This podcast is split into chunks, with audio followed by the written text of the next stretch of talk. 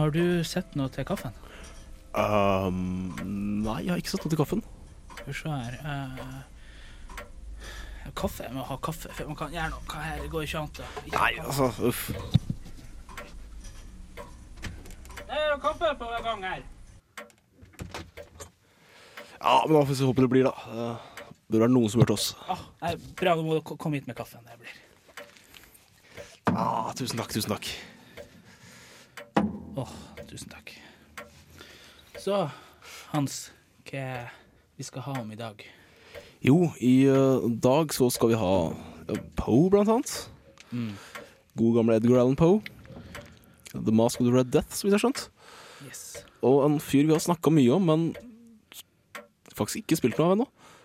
Lord Dunsany. Duns, det, det, du har forandra måten du sier det på nå. Ja, eh, det var et, gikk opp et lys for meg at jeg kanskje kan ha mild dysleksi. Så, men vi har uansett funnet ut at han heter Lord Dunsany. Dunsany. Så, og han var en faktisk lord.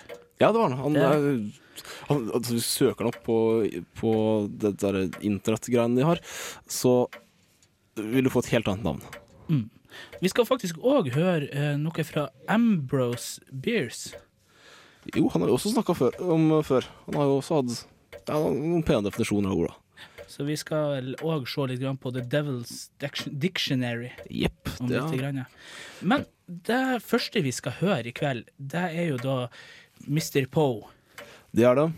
Uh, the, the Mask of the Red Death, som vel ble skrevet i 42, så 1842. Uh, ja, det er ikke så veldig mye å si om den, egentlig. det der The Red Death det er da eh, Mm. krona på en sjukdom, et utbrudd av altså plague, eller altså sånn. mm, en pest. Mm. Det var snakka om at det kun var tuberkulose. da. Så Ja. det- Kona til eh, Poe døde jo av tuberkulose. Å, så koselig. Mm, ja. Så det er da Edgar Allan Poe med The Mask of Red Death. Og det er da våre venner fra LibriVox som har eh, gjort det her opptaket. The Mask of the Red Death by Edgar Allan Poe. Recorded by Juan Carlos Bagnell. The Red Death had long devastated the country. No pestilence had ever been so fatal or so hideous. Blood was its avatar and its seal, the redness and the horror of blood. There were sharp pains and sudden dizziness, and then profuse bleeding at the pores with dissolution. The scarlet stains upon the body, and especially upon the face of the victim, were the pest ban which shut him out from the aid and from the sympathy of his fellow men. And the whole seizure, progress, and termination of the disease were the incidents of half an hour. But the Prince Prospero was happy and dauntless and sagacious. When his dominions were half depopulated, he summoned to his presence a thousand hale and light-hearted friends from among the knights and dames of his court, and with these retired to the deep seclusions of one of his castellated abbeys. This was an extensive and magnificent structure, the creation of the prince's own eccentric yet august taste. A strong and lofty wall girdled it in. This wall had gates of iron. The courtiers having entered brought furnaces and massy hammers and welded the bolts. They resolved to leave means neither of ingress or egress to the sudden impulses of despair or of frenzy from within. The abbey was amply provisioned. With such precautions, the courtiers might bid defiance to contagion. The external world could take care of itself. In the meantime, it was folly to grieve or to think. The prince had provided all the appliances of pleasure. There were buffoons, there were improvisatori, there were ballet dancers, there were musicians, there was beauty, there was wine. All these in security were within. Without was the Red Death. It was toward the close of the fifth or sixth month of his seclusion, and while the pestilence raged most furiously abroad, that the Prince Prospero entertained his thousand friends at a masked ball of the most unusual magnificence. It was a voluptuous scene, that masquerade. But first let me tell of the rooms in which it was held. There were seven, an imperial suite. In many palaces, however, such suites form a long and straight vista while the folding doors slide back nearly to the walls on either hand so that the view of the whole extent is scarcely impeded. Here the case was very different, as might have been expected from the Duke's love of the bizarre. The apartments were so irregularly disposed that the vision embraced but little more than one at a time. There was a sharp turn at every twenty or thirty yards, and at each turn a novel effect. To the right and left, in the middle of each wall, a tall and narrow Gothic window looked out upon a closed corridor which pursued the windings of the suite. These windows were of stained glass whose color varied in accordance with the prevailing hue of the decorations of the chamber into which it opened. That at the eastern extremity was hung, for example, in blue, and vividly blue were its windows. The second chamber was purple in its ornaments and tapestries, and here the panes were purple. The third was green throughout, and so were the casements. The fourth was furnished and lighted with orange, the fifth with white, the sixth with violet, the seventh apartment was closely shrouded in black velvet tapestries that hung all over the ceiling and down the walls, falling in heavy folds upon a carpet of the same material and hue. But in this chamber only, the color of the windows failed to correspond with the decorations. The panes here were scarlet, a deep blood color. Now, in no one of the seven apartments was there any lamp or candelabrum amid the profusion of golden ornaments that lay, scattered to and fro, or depended from the roof. There was no light of any kind emanating from lamp or candle within the suite of chambers, but in the corridors that followed the suite there stood opposite to each window a heavy tripod bearing a brazier of fire that protected its rays through the tinted glass and so glaringly illumined the room and thus were produced a multitude of gaudy and fantastic appearances. But in the western or black chamber, the effect of the firelight that streamed upon the dark hangings through the blood tinted panes was ghastly in the extreme, and produced so wild a look upon the countenances of those who entered that there were few of the company bold enough to set foot within its precincts at all. It was in this apartment also that there stood against the western wall a gigantic clock of ebony. Its pendulum swung to and fro with a dull, heavy, monotonous clang, and when the minute hand made the circuit of the face and the hour was to be stricken, there came from the brazen lungs of the clock a sound which was clear and loud and deep and exceedingly musical, but of so peculiar a note and emphasis that at each lapse of an hour the musicians of the orchestra were constrained to pause momentarily in their performance to hearken to the sound, and thus the waltzers perforce ceased their evolutions, and there was a brief disconcert of the whole gay company. And, while the chimes of the clock yet rang, it was observed that the giddiest grew pale, and the more aged and sedate passed their hands over their brows as if in confused reverie or meditation. But when the echoes had fully ceased, a light laughter at once pervaded the assembly. The musicians looked at each other and smiled as if at their own nervousness and folly, and made whispering vows, each to the other, that the next chiming of the clock should produce in them no similar emotion. And then, after the lapse of sixty minutes, which embraced three thousand and six hundred seconds of the time that flies, there came yet another chiming of the clock, and then were the same disconcert and tremulousness and meditation as before. But in spite of these things, it was a gay and magnificent revel. The tastes of the Duke were peculiar. He had a fine eye for colors and effects. He disregarded the decora of mere fashion. His plans were bold and fiery. His conceptions glowed with barbaric luster. There are some who would have thought him mad. His followers felt that he was not. It was necessary to hear and see and touch him to be sure that he was not. He had directed in great part the movable embellishments of the seven chambers upon occasion of this great fete, and it was his own guiding taste which had given character to the masqueraders. Be sure they were grotesque.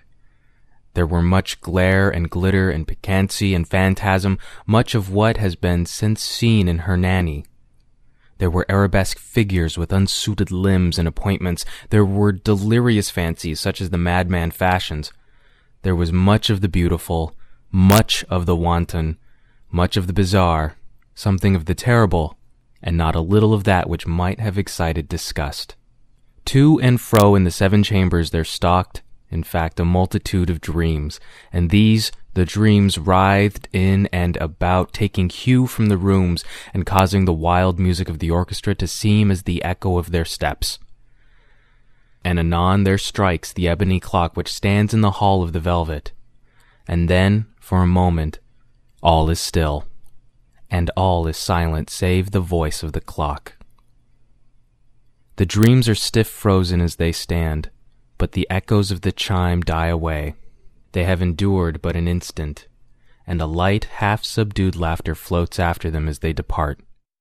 And now again the music swells, and the dreams live and writhe to and fro more merrily than ever, taking hue from the many tinted windows through which stream the rays from the tripods. But to the chamber which lies most westwardly of the seven, there are now none of the maskers who venture, for the night is waning away, and there flows a ruddier light through the blood colored panes, and the blackness of the sable drapery appalls. And to him whose foot falls upon the sable carpet, there comes from the near clock of ebony a muffled peal more solemnly emphatic than any which reaches their ears who indulge in the more remote gaieties of the other apartments. But these other apartments were densely crowded, and in them beat feverishly the heart of life. And the revel went whirlingly on until at length there commenced the sounding of midnight upon the clock. And then the music ceased, as I have told, and the evolutions of the waltzers were quieted. And there was an uneasy cessation of all things as before, but now there were twelve strokes to be sounded by the bell of the clock, and thus it happened, perhaps, that more of thought crept with more of time into the meditations of the thoughtful among those who reveled. And thus, too, it happened perhaps that before the last echoes of the last chime had utterly sunk into silence, there were many individuals in the crowd who had found leisure to become aware of the presence of a masked figure which had arrested the attention of no single individual before.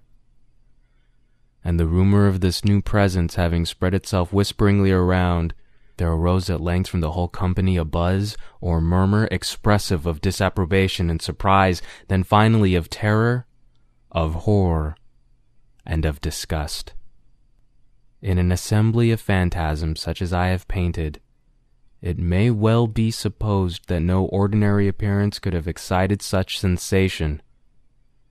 In truth, the masquerade license of the night was nearly unlimited, but the figure in question had out Heroded Herod and gone beyond the bounds of even the prince's indefinite decorum.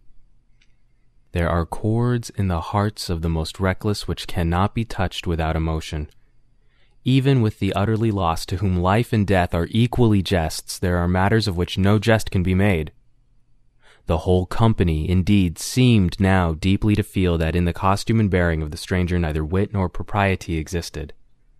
The figure was tall and gaunt, and shrouded from head to foot in the habiliments of the grave. The mask which concealed the visage was made so nearly to resemble the countenance of a stiffened corpse that the closest scrutiny must have had difficulty in detecting the cheat. And yet all this might have been endured if not approved by the mad revelers around. But the murmur had gone so far as to assume the type of the Red Death. His vesture was dabbled in blood, and his broad brow, with all the features of the face, was besprinkled with the scarlet horror. When the eyes of Prince Prospero fell upon this spectral image, which with a slow and solemn movement, as if more fully to sustain its role, stalked to and fro among the waltzers, he was seen to be convulsed, in the first moment with a strong shudder either of terror or distaste, but in the next his brow reddened with rage. Who dares? he demanded hoarsely of the courtiers who stood near him. Who dares insult us with this blasphemous mockery, seize him and unmask him, that we may know whom we have to hang at sunrise from the battlements. It was in the eastern or blue chamber in which stood the Prince Prospero as he uttered these words.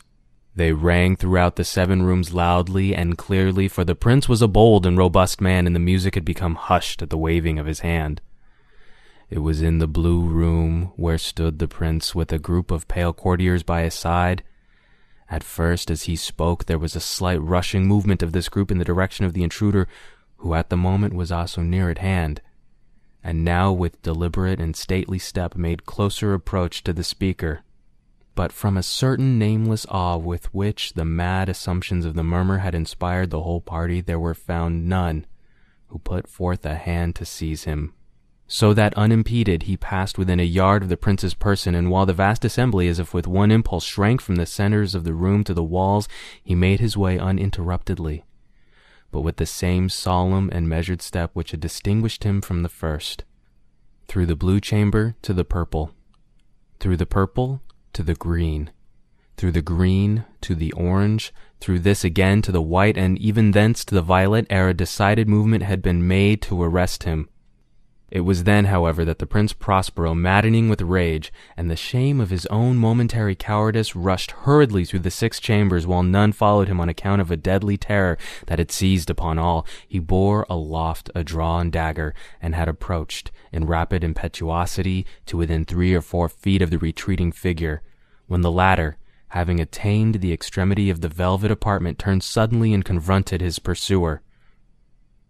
There was a sharp cry and the dagger dropped gleaming upon the sable carpet, upon which instantly afterwards fell prostrate in death the Prince Prospero.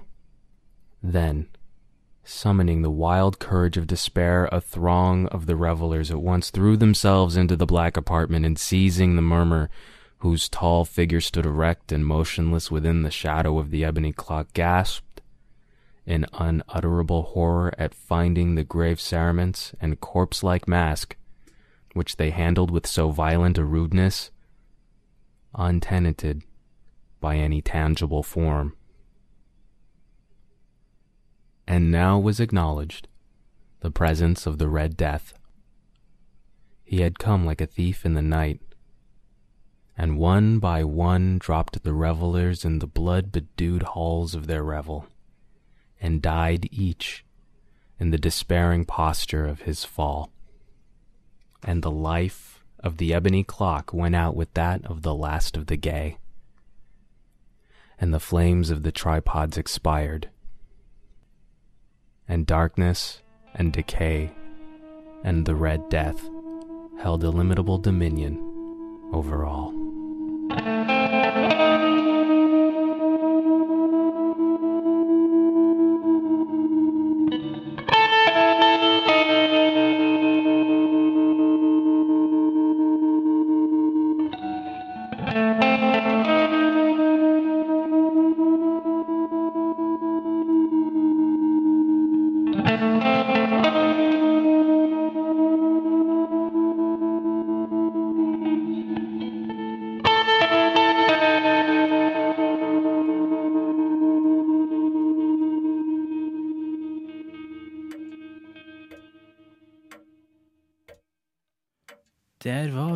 Tilbake igjen.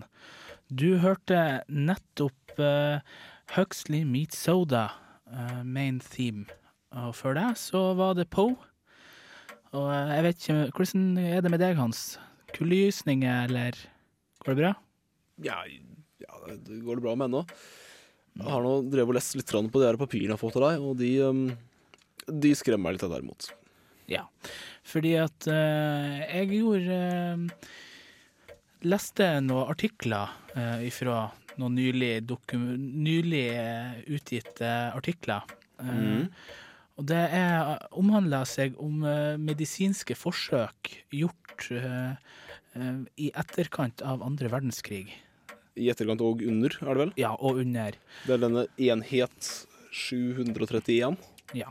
De fleste kjenner jo til sånn som Auschwitz og på en måte de her i Tyskland. Utrydningsleirene hvor ja. formålet var å utrydde ja. Men du hadde òg leirer der de drev på med medisinsk forskning og ja, rett og slett torturerte folk eh, ja. til døde for i medisinsk eh, Altså finne ut hvor, hvor mye er det mennesket tåler før det dør. For eksempel. Liksom prøve å feile med medisiner og sånt. noe. Men, eh, og der har du da eh, Japan hadde et eh, tilsvarende prosjekt. Og det Mm. er det som jeg, har skrevet, fått eh, skrevet litt tekst tekster jeg om. Mm. Ja, det står jo her eksempel at leger under annen verdenskrig Det er Dette eksempelet er Lakira Akira Makino, som forteller om hvordan han har um, blitt bedt om å skjære opp ti filippinske fanger, inkludert to tenåringsjenter. Dette skal da visstnok være altså, for utdanningen til soldatene. Skulle da skjære opp alle sammen og, se på hvordan innsida av folk så ut. Og når de da begynte å skjære opp jentene, så var dette her all sexutdanning-ting, av sånn sexundervisning. Så rett og slett sex-ed for soldater. Ja. Og skjære opp. Porterte lik. Eller porterte Ja. De, de japanere de har funnet på ganske mye rart, men dette her tar liksom litt kake av dette. her. Dette, dette, dette, dette, ah. Men hvordan, hvordan føler du deg at altså, mye av det som er medisinsk kunnskap i dag, eh, er jo basert på funn som er gjort i sånn der type forskning? Eh, for eksempel hvis man ser på før 1940-tallet, så var det jo vanlig at folk med frostskader, der prøvde man på en måte å eh, altså stimulere området for å prøve å få blodgjennomstrømning. Ja. I ettertid så gjorde man det, bruk, begynte man å bruke vann med en ganske sånn bestemt temperatur, eh, for de fant ut det var mer effektivt. Men måten, det, det var jo noe da de, denne leiren her i Japan da fant ut. Og det de gjorde, var rett og slett å ta fanger, sette dem ut, og så da rett og slett helle eh, vann gjennom mellomrom over f.eks. en arm, til de fikk frostskader. Så ta dem inn og behandle dem. Eh, Og sånn fant de på en måte de beste eh, løsningene der. Ja, det er jo egentlig helt sjukt. Det som er jo òg at det er jo snakk om eh, Hvor mange tusen var det? 12 000? Ja, det var eh, I en leir i Kina så var det sånn dokumentert mellom 3 og 12 000. Mm. Alle ble drept Mm. under alvorlige lidelser, altså de ble torturert lenge Mm. før de døde. Så egentlig gjør det hele prosjektet mye verre enn det nazistene satte i gang her i Europa for å ta livet av jøder og sigøynere og homoseksuelle og ja. Videre. Ja. Men det er jo det som er greia her, og det at mye av det som er moderne legevitenskap, er jo basert, altså ikke sånn her direkte, men indirekte på den, de mm. erfaringene som ble gjort der. Jeg så her også at amerikanere gjorde seg veldig, veldig fort ute med å sørge for at alle i enhet 731 fikk immunitet, Mm. og kunne da dra tilbake til hjemlandet sitt, imot at amerikanerne fikk loggene deres. Og der er det jo da mye Det, det er jo forklaringa på at det her ble skjult såpass lenge som det ble.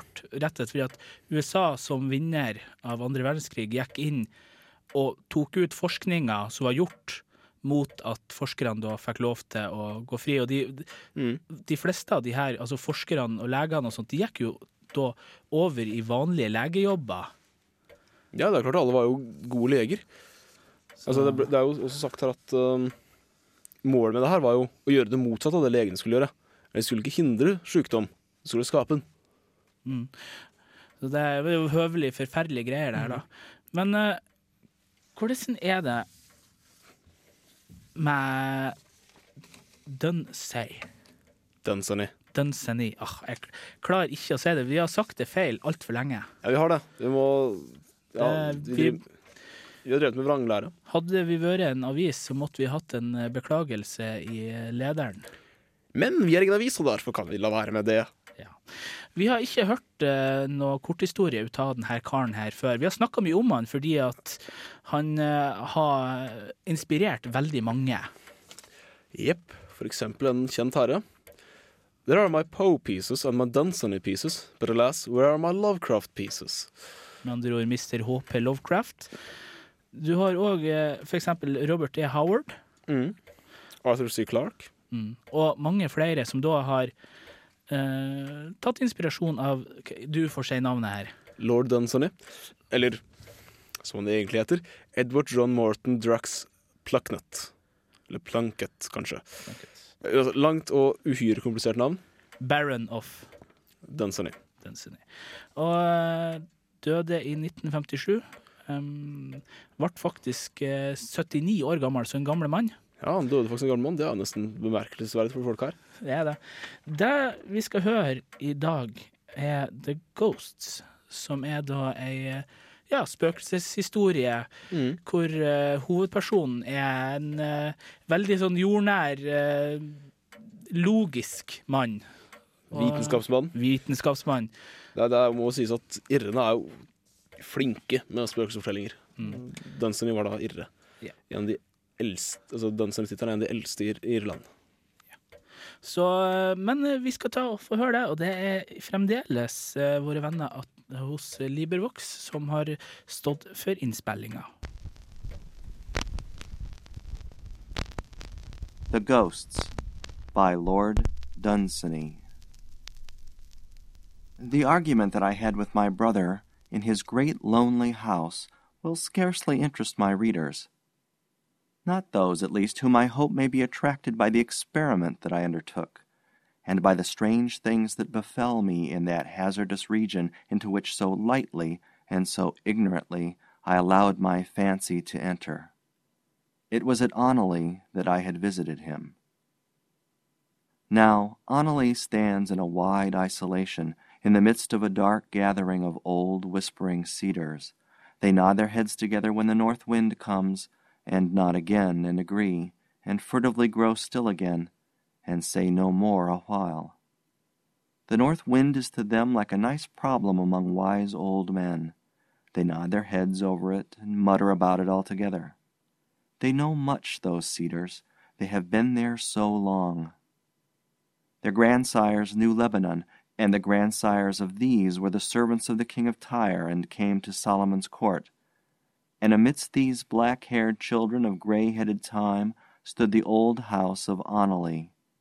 I know not how many centuries had lashed against it their evanescent foam of years, but it was still unshattered, and all about it were the things of long ago, as cling strange growths to some sea defying rock. Here, like the shells of long dead limpets, was armor that men encased themselves in long ago. Here, too, were tapestries of many colors, beautiful as seaweed. No modern flotsam ever drifted hither, no early Victorian furniture, no electric light.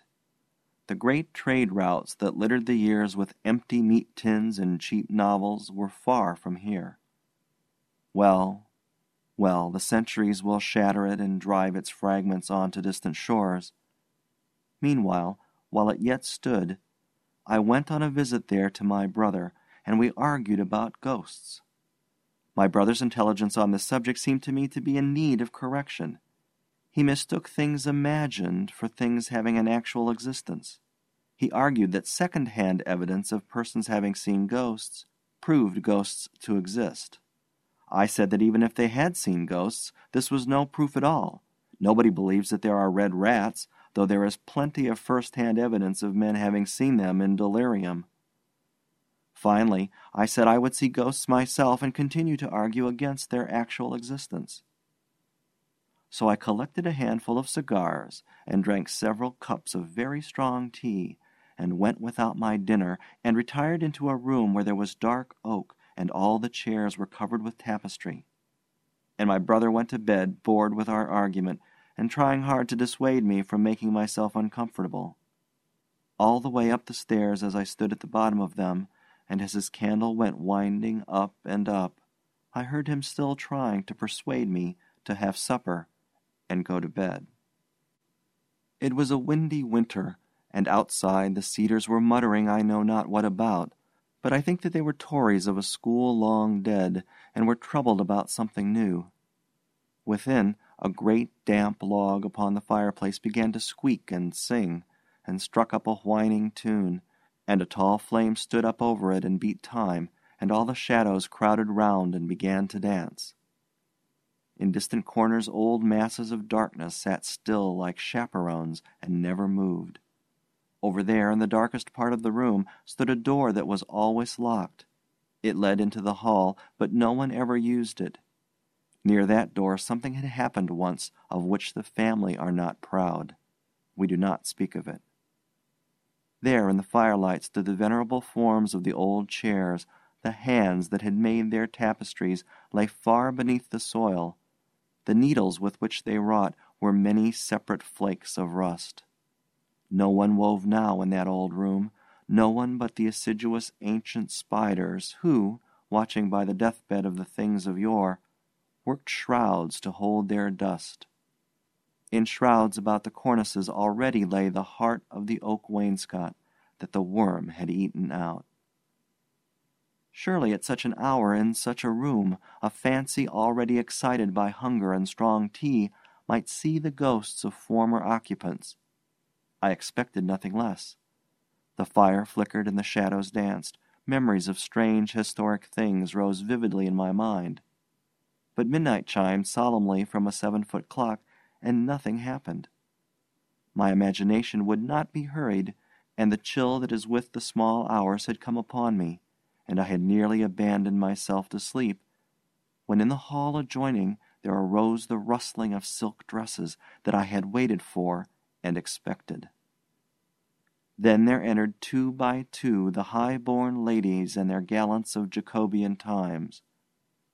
They were little more than shadows, very dignified shadows, and almost indistinct. But you have all read ghost stories before, you have all seen in museums the dresses of those times. There is little need to describe them. They entered, several of them, and sat down on the old chairs perhaps a little carelessly considering the value of the tapestries. Then the rustling of their dresses ceased. Well, I had seen ghosts, and was neither frightened nor convinced that ghosts existed. I was about to get up out of my chair and go to bed when there came a sound of pattering in the hall, a sound of bare feet coming over the polished floor, and every now and then a foot would slip and I heard claws scratching along the wood as some four footed thing lost and regained its balance. I was not frightened, but uneasy. The pattering came straight towards the room that I was in. Then I heard the sniffing of expectant nostrils. Perhaps uneasy was not the most suitable word to describe my feelings then. Suddenly, a herd of black creatures, larger than bloodhounds, came galloping in. They had large, pendulous ears, their noses were to the ground, sniffing. They went up to the lords and ladies of long ago and fawned about them disgustingly. Their eyes were horribly bright and ran down to great depths. When I looked into them, I knew suddenly what these creatures were, and I was afraid. They were the sins, the filthy, immortal sins of those courtly men and women. How demure she was, the lady that sat near me on an old world chair. How demure she was, and how fair, to have beside her, with its jowl upon her lap, a sin with such cavernous red eyes, a clear case of murder. And you, yonder lady with the golden hair, surely not you. And yet that fearful beast with the yellow eyes slinks from you to yonder courtier there, and whenever one drives it away, it slinks back to the other. Over there, a lady tries to smile as she strokes the loathsome furry head of another sin, but one of her own is jealous and intrudes itself under her hand. Here sits an old nobleman with his grandson on his knee, and one of the great black sins of the grandfather is licking the child's face and has made the child its own.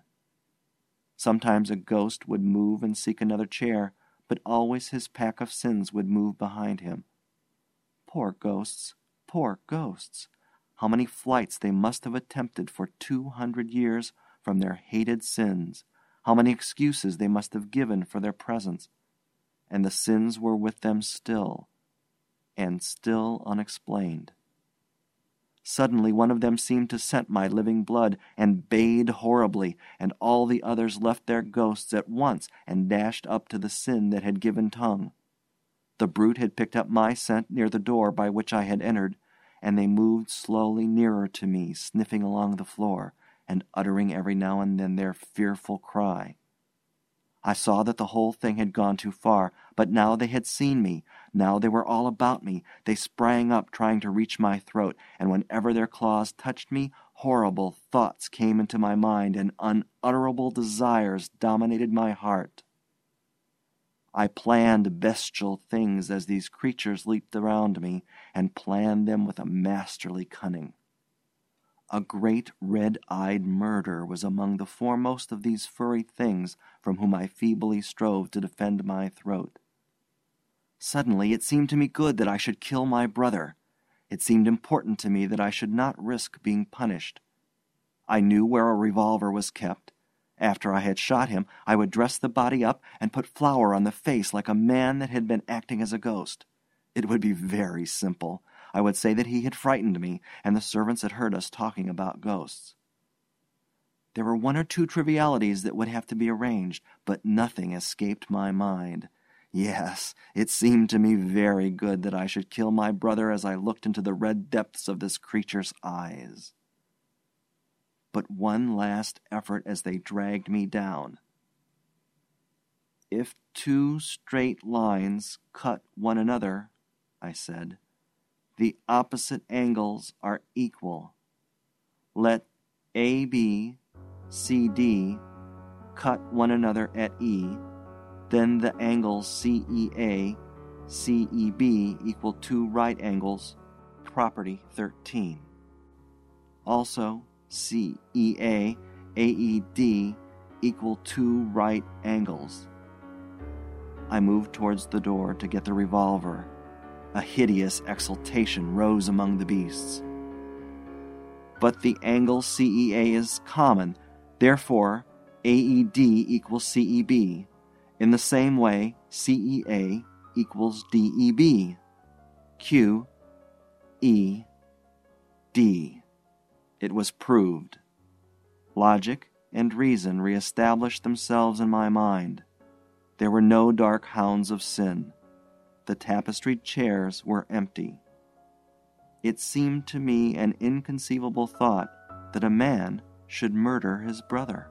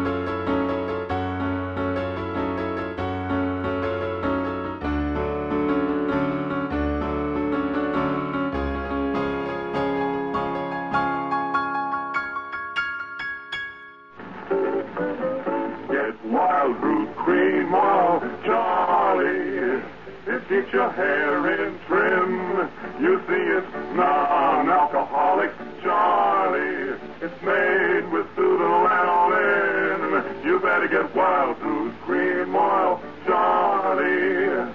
Start using it today. You'll find that you will have a tough time, Charlie. Keeping all those gals away. Up, Baldy. Get a bottle right away. Your druggist has it. A little goes a long, long way. You hear it screaming. Keeps you looking neat all day. Der var vi tilbake igjen, og du hørte eh, nettopp noe Creative Commons-musikk. Da ja. kan sjekkes ut på det her internettet, som de kaller det. Ja, det, det, det er sånne ting de har i dag. Ja. Ja. Så der, der finner du det, og du finner det òg på engelsk, faktisk. Det er litt spesielt. Men eh, Mm. i stad vi hørte hva han heter, ikke Dunsey, men. Dunsany. Dunsany. Så eh, jeg, når jeg hørte det, så tenkte jeg det her høres veldig Lovecraft ut. Det her høres veldig Lovecraft ut, Bortsett ifra slutten. Ja, altså, hadde fyren skutt seg for ikke å drepe broren sin, så hadde det vært Poe.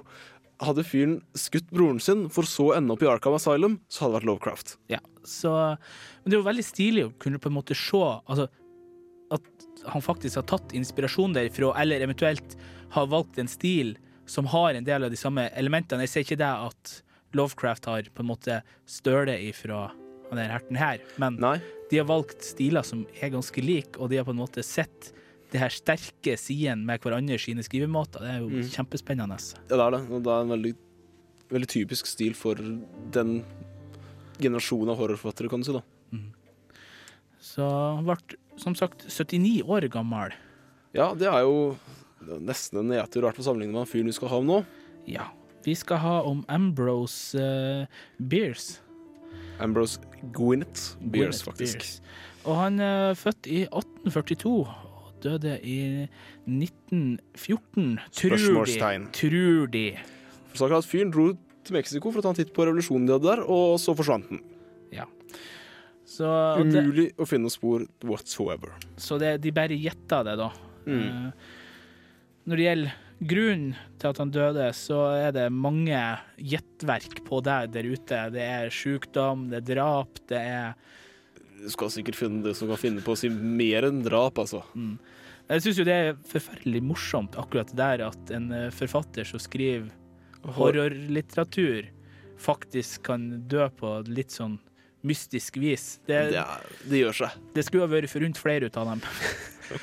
Synd å si det, men men så er spørsmålet OK, um, hvis du kunne på en måte valgt hva som skulle stå i historieboka om la oss si Lovecraft sin, sin død, hva, hva ville du ha skrevet? Lovecraft burde Altså, burde vært noen vitner til hvordan han døde, og så burde han blitt dratt inn i en bakgate eller sånt noe, av noen som ser ut som tentakler, og så skulle du ikke funnet noe av den. Nei. Så han falt ned i kloakken, helt i orden. Så lenge det ser ut som det er tentakler som, som griper tak i den og drar den inn i en mørk bakgate for ingen ser den, for så å spise den, så er jeg fornøyd. Ja. Poe, han, han skulle blitt spist av fugler.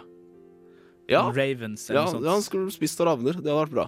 Det er liksom, ikke det kan hende det er litt sånn klisjéaktig med at Poe er liksom ravnemannen, men han, han er jo det. Ja, han er jo det. Altså, han har jo gitt ut et verk som heter Raven and Other Poems, så Ellers blir han spist av armer. Av armer eller Ormer. Ormer, ja. Han har jo et dikt som heter The Conqueror Worm, som handler om noe helt annet, riktignok, men det er noe så. Men der har du da Eller en, enda bedre. Han skulle blitt funnet død på, i biblioteket sitt. Henvisning til The Raven. Men den Vel, vel. Vi skal da høre Ambrose Beers, og den historien uh, vi skal høre, um, er det heter The Other Lodgers. Den er Mm. ganske kort, og den, det, det er kanskje ikke det beste vi har spilt her. Vi skal se om vi klarer å finne noe bedre ut av denne forfatteren, for han har veldig mange eh, Veldig mye han har skrevet. Mm. Jeg må ta et dypdykk i Librivox. Mm. Uh, Ambrose han skrev annet ei bok som heter The Devil, Devil's Dictionary. Ja, det er en kuriositet. Det har mange gode definisjoner av ord. For eksempel da kannibal.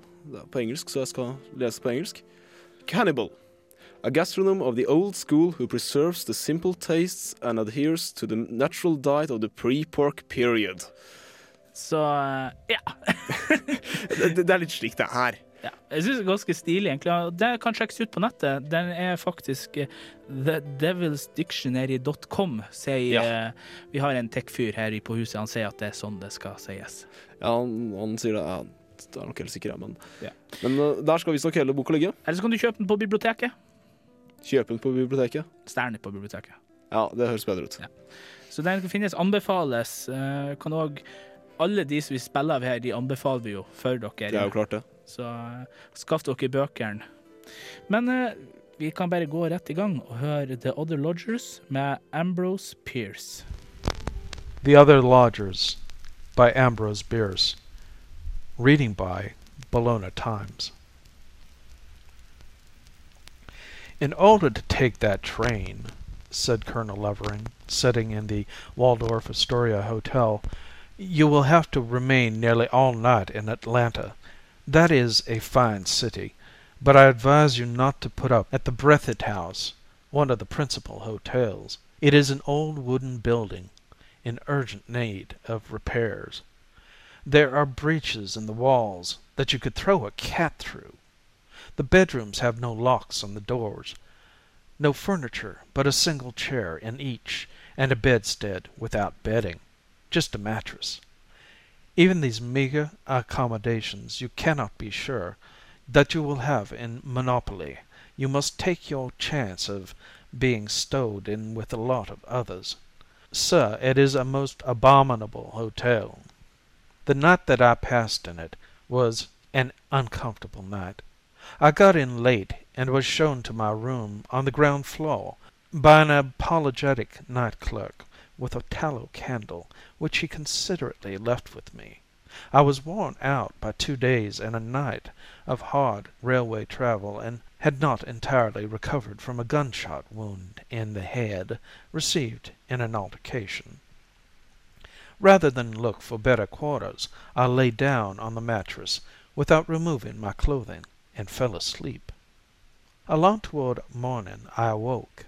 The moon had risen and was shining in at the uncurtained window, illuminating the room with a soft bluish light which seemed, somehow, a bit spooky, though I dare say it had no uncommon quality.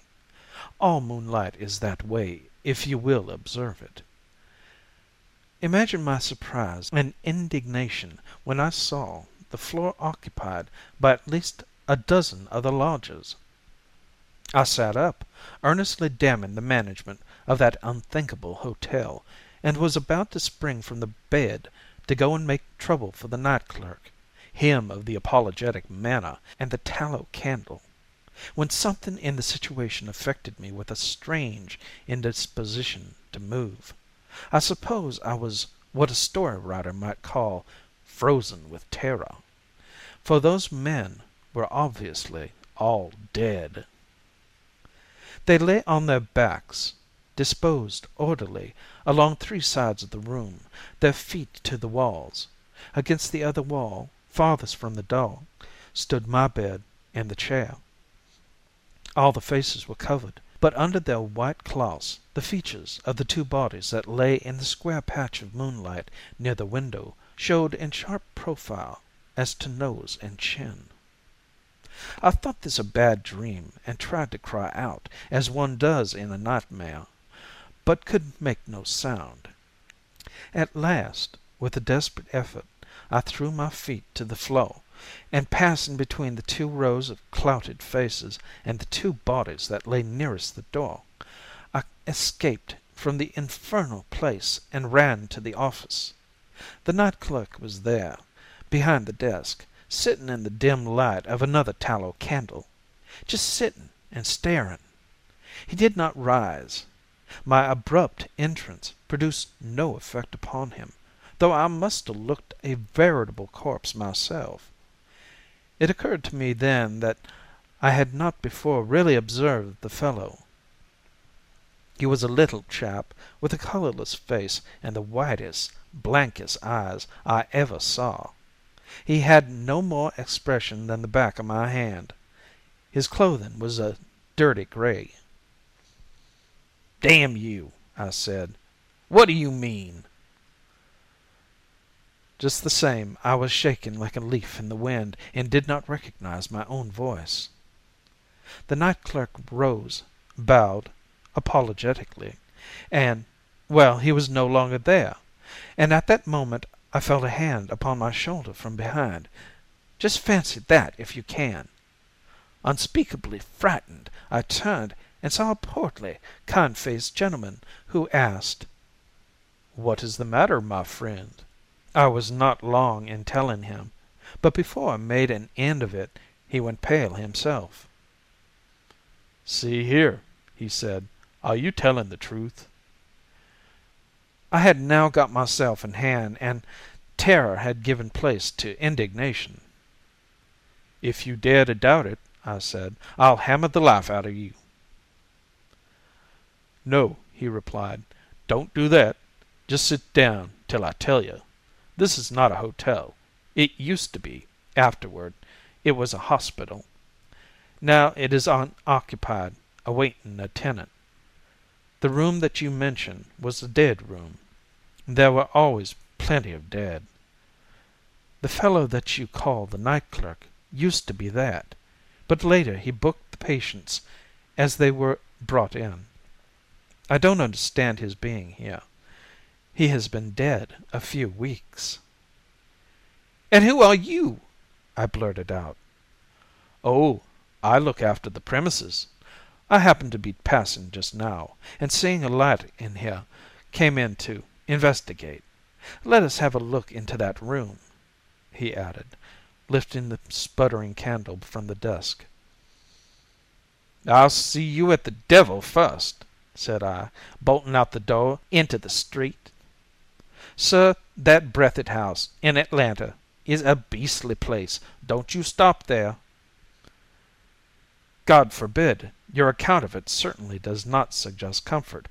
By the way, colonel, when did all that occur?" "In September, 1864, shortly after the siege."